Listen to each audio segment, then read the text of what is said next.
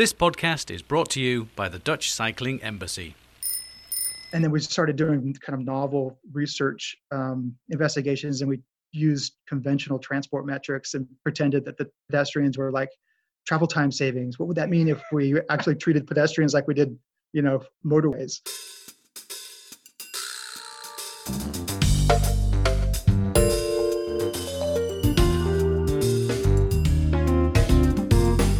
Ladies and gentlemen, welcome to this new episode of the Metropolitan Mobility Podcast, which always uh, revolve around the questions how can we keep metropolitan areas accessible and livable in a sustainable way? My name is Geert Toppenburg, and I have about 70 years of experience in the area of mobility. In this series of podcasts, I talk to people who offer new insights into the world of mobility in metropolitan areas. And we're talking to uh, a Kiwi, a guy from New Zealand at this moment, uh, uh, all the way from the other side of the world. And he has been around in uh, mobility. I looked at your LinkedIn for many, many years already. He's an urban planner, uh, ladies and gentlemen. His name is Kent Lundberg, uh, and he is talking to us from New Zealand. Are you there? Yeah, here I am. I'm in Auckland, New Zealand. And we've got on the show Chris uh, Bruntlett, he's marketing communication, let's say project manager of the Dutch Cycling Embassy, and he's worked in this field for Chris. How many years already, and where are you? Almost 17 years myself, uh, located in Delft in the Netherlands. Dutch Cycling Embassy is a, a public-private partnership that helps cities around the world to become more bicycle inclusive. Okay, cool. Okay, Kent, uh, why uh, should we talk about uh, the project was called access for everybody in Auckland?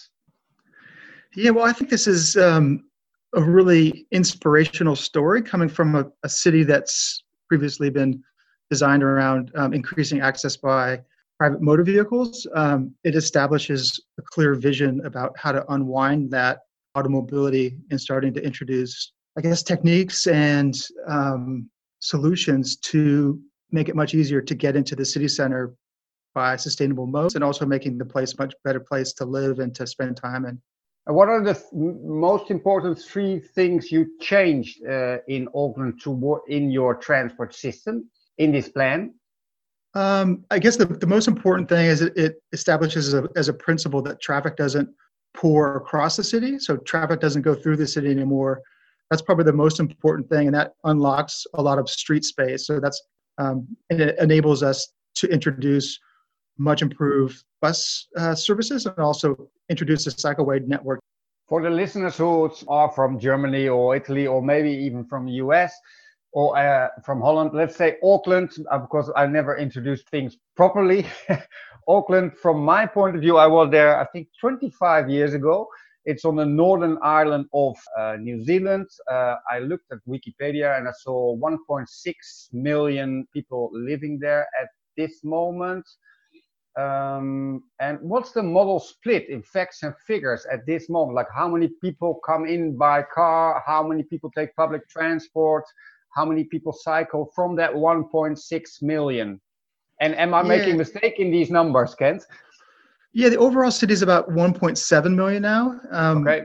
And overall, we have a generally a low mode shift. And I, I, probably can't remember off the top of my head what that is, but city center access, um, there's about 40,000 people come to the city center by car, um, and about that many now come by public transport. So a couple years ago, we reached this point where more people come into the city center by public transport and walking and cycling than drive. How many people live within the uh, highways, the highways in the center of the city, approximately? Oh, there's about 30 or 40,000 people live in that tight motorway ring, but outside of that ring, is what we call the isthmus, and that was, say, the um, established urban area at about 1945, and about four or 500,000 people live in that core uh, central area. Okay, and if we go back to this uh, access for everybody plan, like you said, okay, we want to have the streets more car free, you want to have lower traffic within the neighborhood, and three, you wanted to have the traffic circulation plan uh, not going through the city but passing by the city. Is that the? Am I summarizing it right then? Yeah, that's right. And uh, when did you achieve this plan? Is it already been approved? Yeah, so a couple weeks ago, the beginning of March, it was approved by City Council as part of the updated City Center Master Plan. So that was, um, I guess, it was about three years of work getting us to that point, where it was officially endorsed. Congratulations, well done. Yeah, thank you. No, it's it's incredible. Um, that was three years of work. Yeah, so we initially conceived the idea as part of um, understanding what light rail on Queen Street would mean for city center streets. And so we understood that we can't have traffic pour down to the end of Queen Street and turn around in a cul-de-sac. We needed to start pulling traffic back out. And the more we looked at it, the further and further away we wanted to pull traffic out of the city center. And ultimately we thought, well, let's just pull it all the way out and use the ring road as it's been designed you know from 50 years ago so it's basically effectively using the ring road that was put in place but never kind of enforced as a ring road um, I've walked in, in Auckland city centre, and it's uh, it's quite something to see the volume of pedestrians on uh, on the footpath there. I think pedestrians outnumber cars uh, on most streets there. Uh, and you were actually involved in a, an early study to quantify that pedestrian and its cost on the economy on travel times in the city centre. Can you tell us a bit more about that? Yeah, that was a it's a really interesting part about it. Auckland, the, the Auckland Design Office at Auckland Council asked us, well, how do we understand this problem? How do we convince people that there's this mismatch and how important um, providing pedestrian space is and providing connectivity and things like that? So we did a bunch of work explaining, just counting people and saying, well, there's six times more people walking on Queen Street than driving. Um, and then we started doing kind of novel research um, investigations and we used conventional transport metrics and pretended that the pedestrians were like travel time savings. What would that mean if we actually treated pedestrians like we did, you know, motorways? We found that there's millions of dollars in this kind of fictitious summary that if we looked at pedestrians the same way we looked at traffic.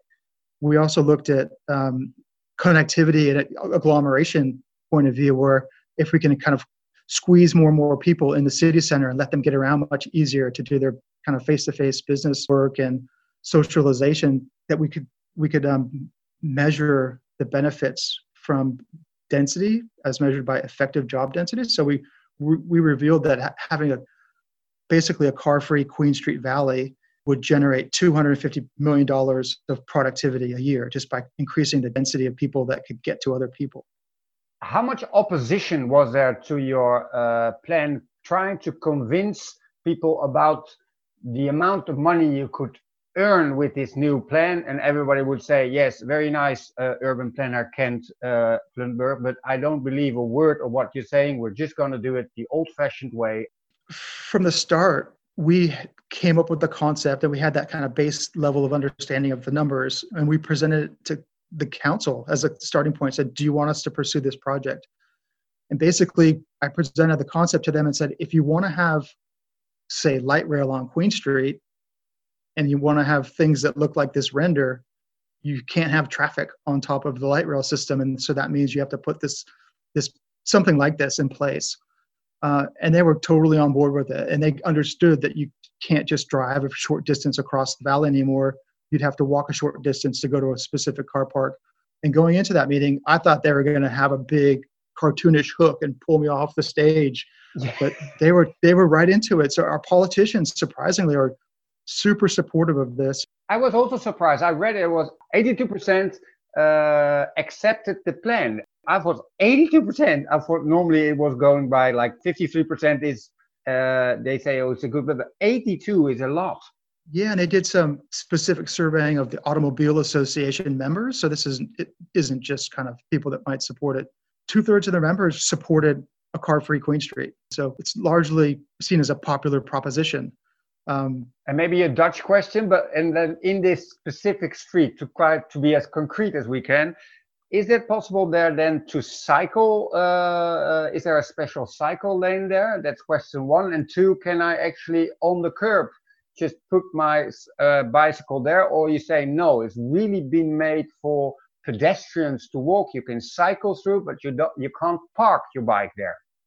Yeah, that, we haven't got to the bike parking issue. Um, it'd be nice to get to the point where that was a big issue. Um, but basically, the, the traffic cells and the traffic circulation pattern creates a hierarchy of streets where there's a main traffic street, And on those main traffic streets, you need protected protected cycleways. But it frees up all the other network of streets where they're just low traffic streets, where they, like High Street, for example, uh, cyclists could comfortably ride in either direction. So it's not necessarily kind of a, a cycle facility, but it's a street where people can safely cycle and use e-scooters and things like that. And why do you think uh, the the time is ready now that people can suddenly adjust to okay, we're making car free and you're not allowed to drive with your car through the city anymore? Because if you look at the 60s and the 70s, you see how many cars came into Auckland and the way the the streets were designed, it was all for cars. I think it's partly a growth story so that that 30 or 40,000 people that used to be able to drive into the city center has been flat for say 15 or 20 years. And effectively we can't put any more people in the city center in cars so it's a space thing. So that means more and more people are taking public transport more and more people are living in the city. That was something we found that we had 30 or 40,000 people that we hadn't even kind of considered in our transport models who weren't even affecting the transport system because they wanted to live in the city center and it's a kind of growing popularity of living in dense, vibrant places.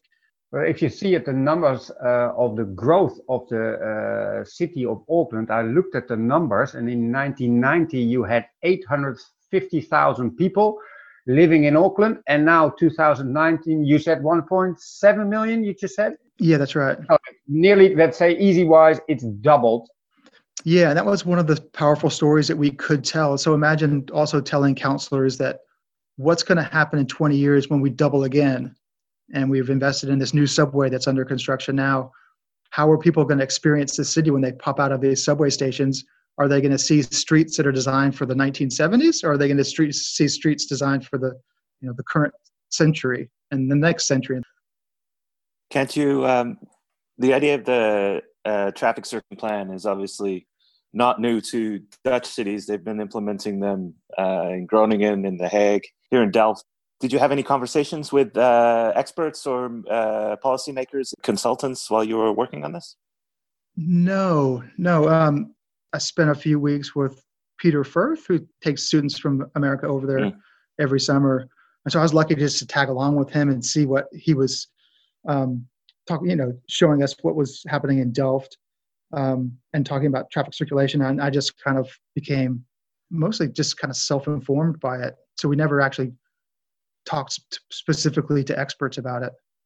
I would say there, there was one instance in Delft where uh, there's like a, the, one of the main canals goes into town, and it um, Peter Furth described it as this is the main street, and it used to be a canal boat, and then there's also traffic and they stop traffic and they're just running buses and then then they're um, now it's just a cycleway along the canal.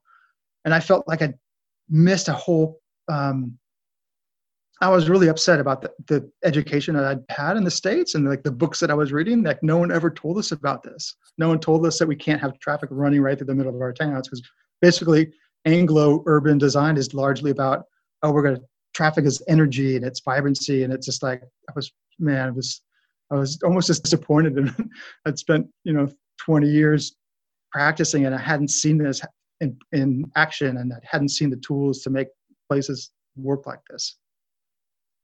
And, and I looked at this morning, I always do it. I looked at Google at, at Auckland, and then you, you can type in, it's really funny, a typical traffic situation at a Thursday at, let's say, 8.30, and you see how many red lines come along. If you look at Auckland and you look at the motorways and you look at also the, not the highways, but also the streets within the city, but then you see still from the outskirts, let's say Ponsonby and uh, Newmarket, Parnell, for all the people who are not looking at a map at this moment, it's like probably 15 kilometers, 10 miles, 7 miles away from the city center. It's just past the ring of the motorways. But then you see so many people still probably entering by car that you think to yourself, oh gosh, uh, that's still a huge step to go. Yeah, so I guess looking at that extent of the of Auckland is similar to say Vancouver, Seattle, so very similar um, urban histories where those neighborhoods were streetcar suburbs. So running along each of those arterials used to be town centers and a and a in a tram that would come every seven or ten minutes and take people to the city center.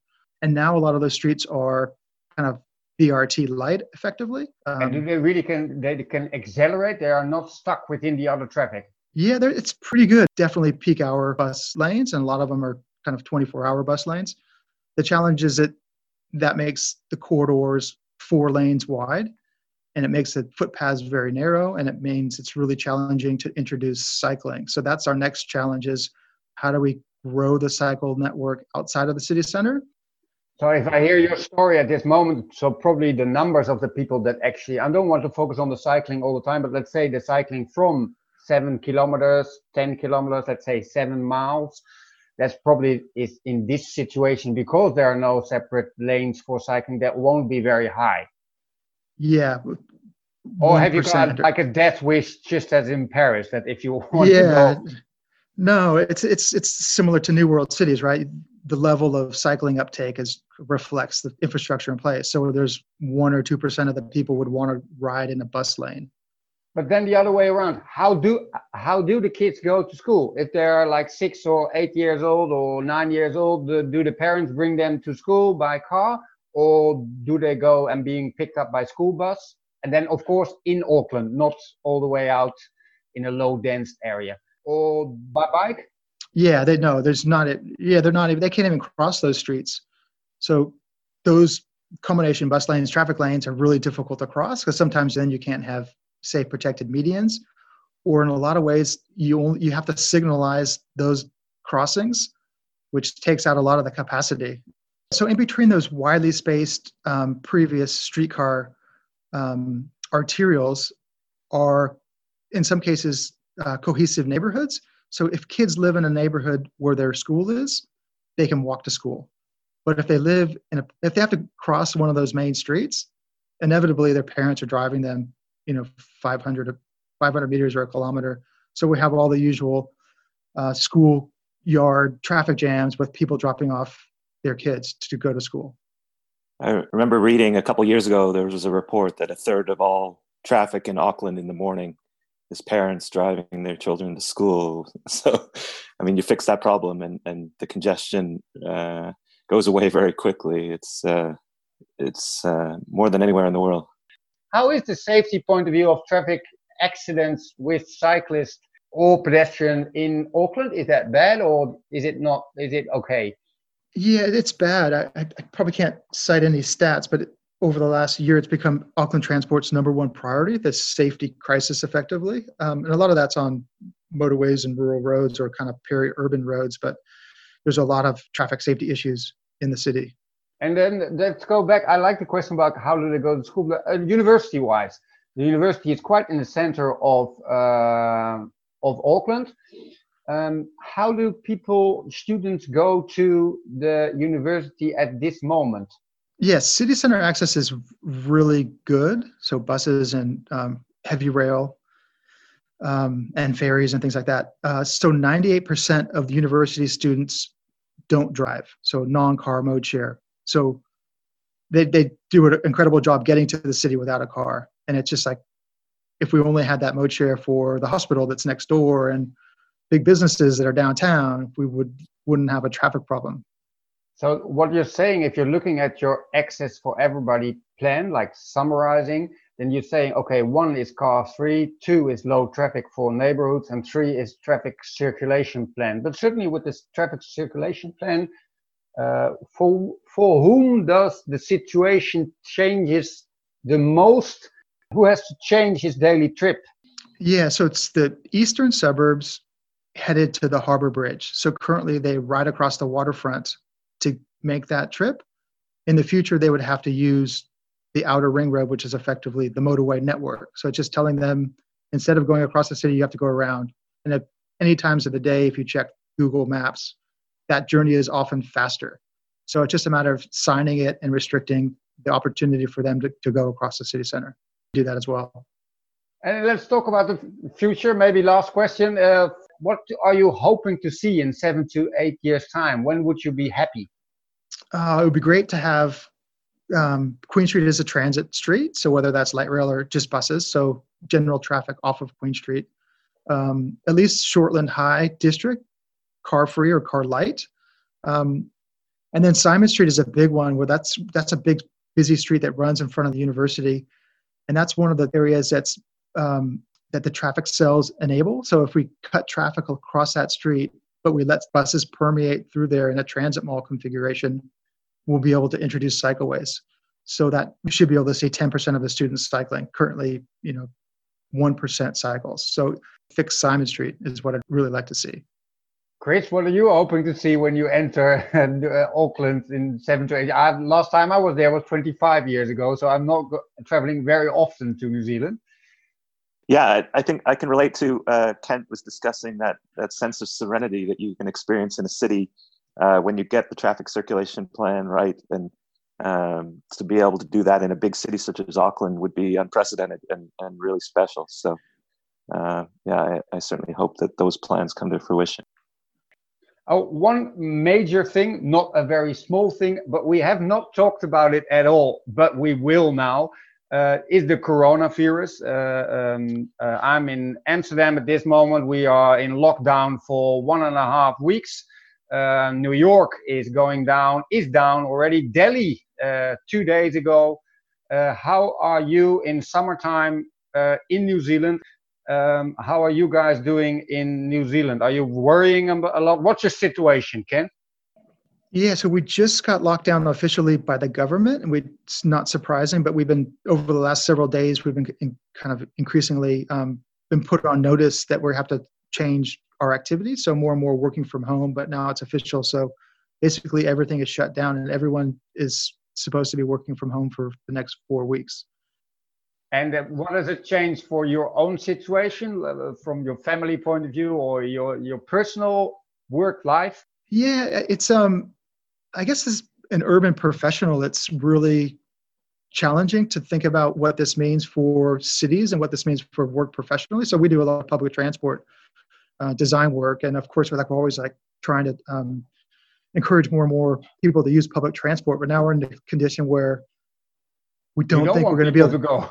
Well, it's going to be quite different, and so we're trying to figure out what that means. So maybe it's a lower frequency services and um, and buses that are not so packed. We always like packed buses, but in this case, we don't really want packed buses.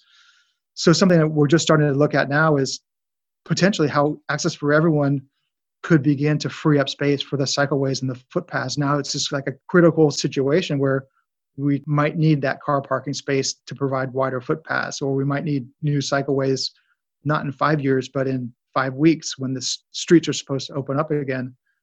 This is really interesting. Like, let's talk about that. Of course, the corona. Let's first of all say what a drama uh, uh, the coronavirus is. But the other thing is that you see what's happening to the traffic system. I don't know what you are seeing, Chris, but what I see is happening. Like, this is the biggest experiment ever that everybody is working at home and trying to to that, that you see the solution coming up already that not everybody should be in the train or in the bus or in their car at eight o'clock in the morning. It's just a peak thing. It's ridiculous. So, Chris, what what do you think? What have you seen from? No, no. Let's start off with your Corona own thing. How bad is it at this moment? And the second thing is, what do you see professionally changing in the transport system? yeah, we're about a, a week into uh, working from home and schooling from home with children. Uh, and it, yeah, I think it's proved to a lot of people that you can hold these meetings, you can do this work remotely. Face to face contact is ideal. But in certain situations, we are quite flexible in our, our work hours and patterns and our ability to be productive. Um, the other thing I think we're seeing is is those essential trips that you need to make to the grocery store, uh, to the wherever you need to when you actually do need to leave the house. More and more people are making it by bicycle, uh, which is causing cities uh, like Bogota, like Mexico, like Philadelphia to start reallocating this road space really quickly. Like Ken said, instead of five years, they're accelerating it into a five week plan.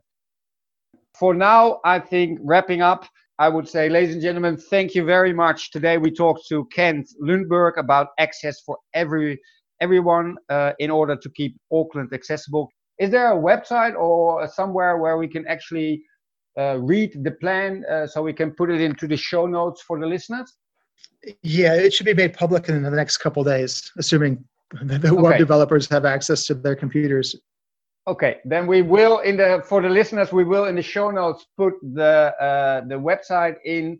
Kent, thank you very much for joining us, uh, and I hope to speak to you soon again. And uh, thank you all for listening. Chris, thanks for joining in from Delft uh, and sharing your opinions and your views. And uh, if you could, don't forget for listeners to recommend this podcast to your friends or family. And congratulations on this quite special and astonishing project you're doing in Auckland. Thanks for now. Bye bye. Cheerio.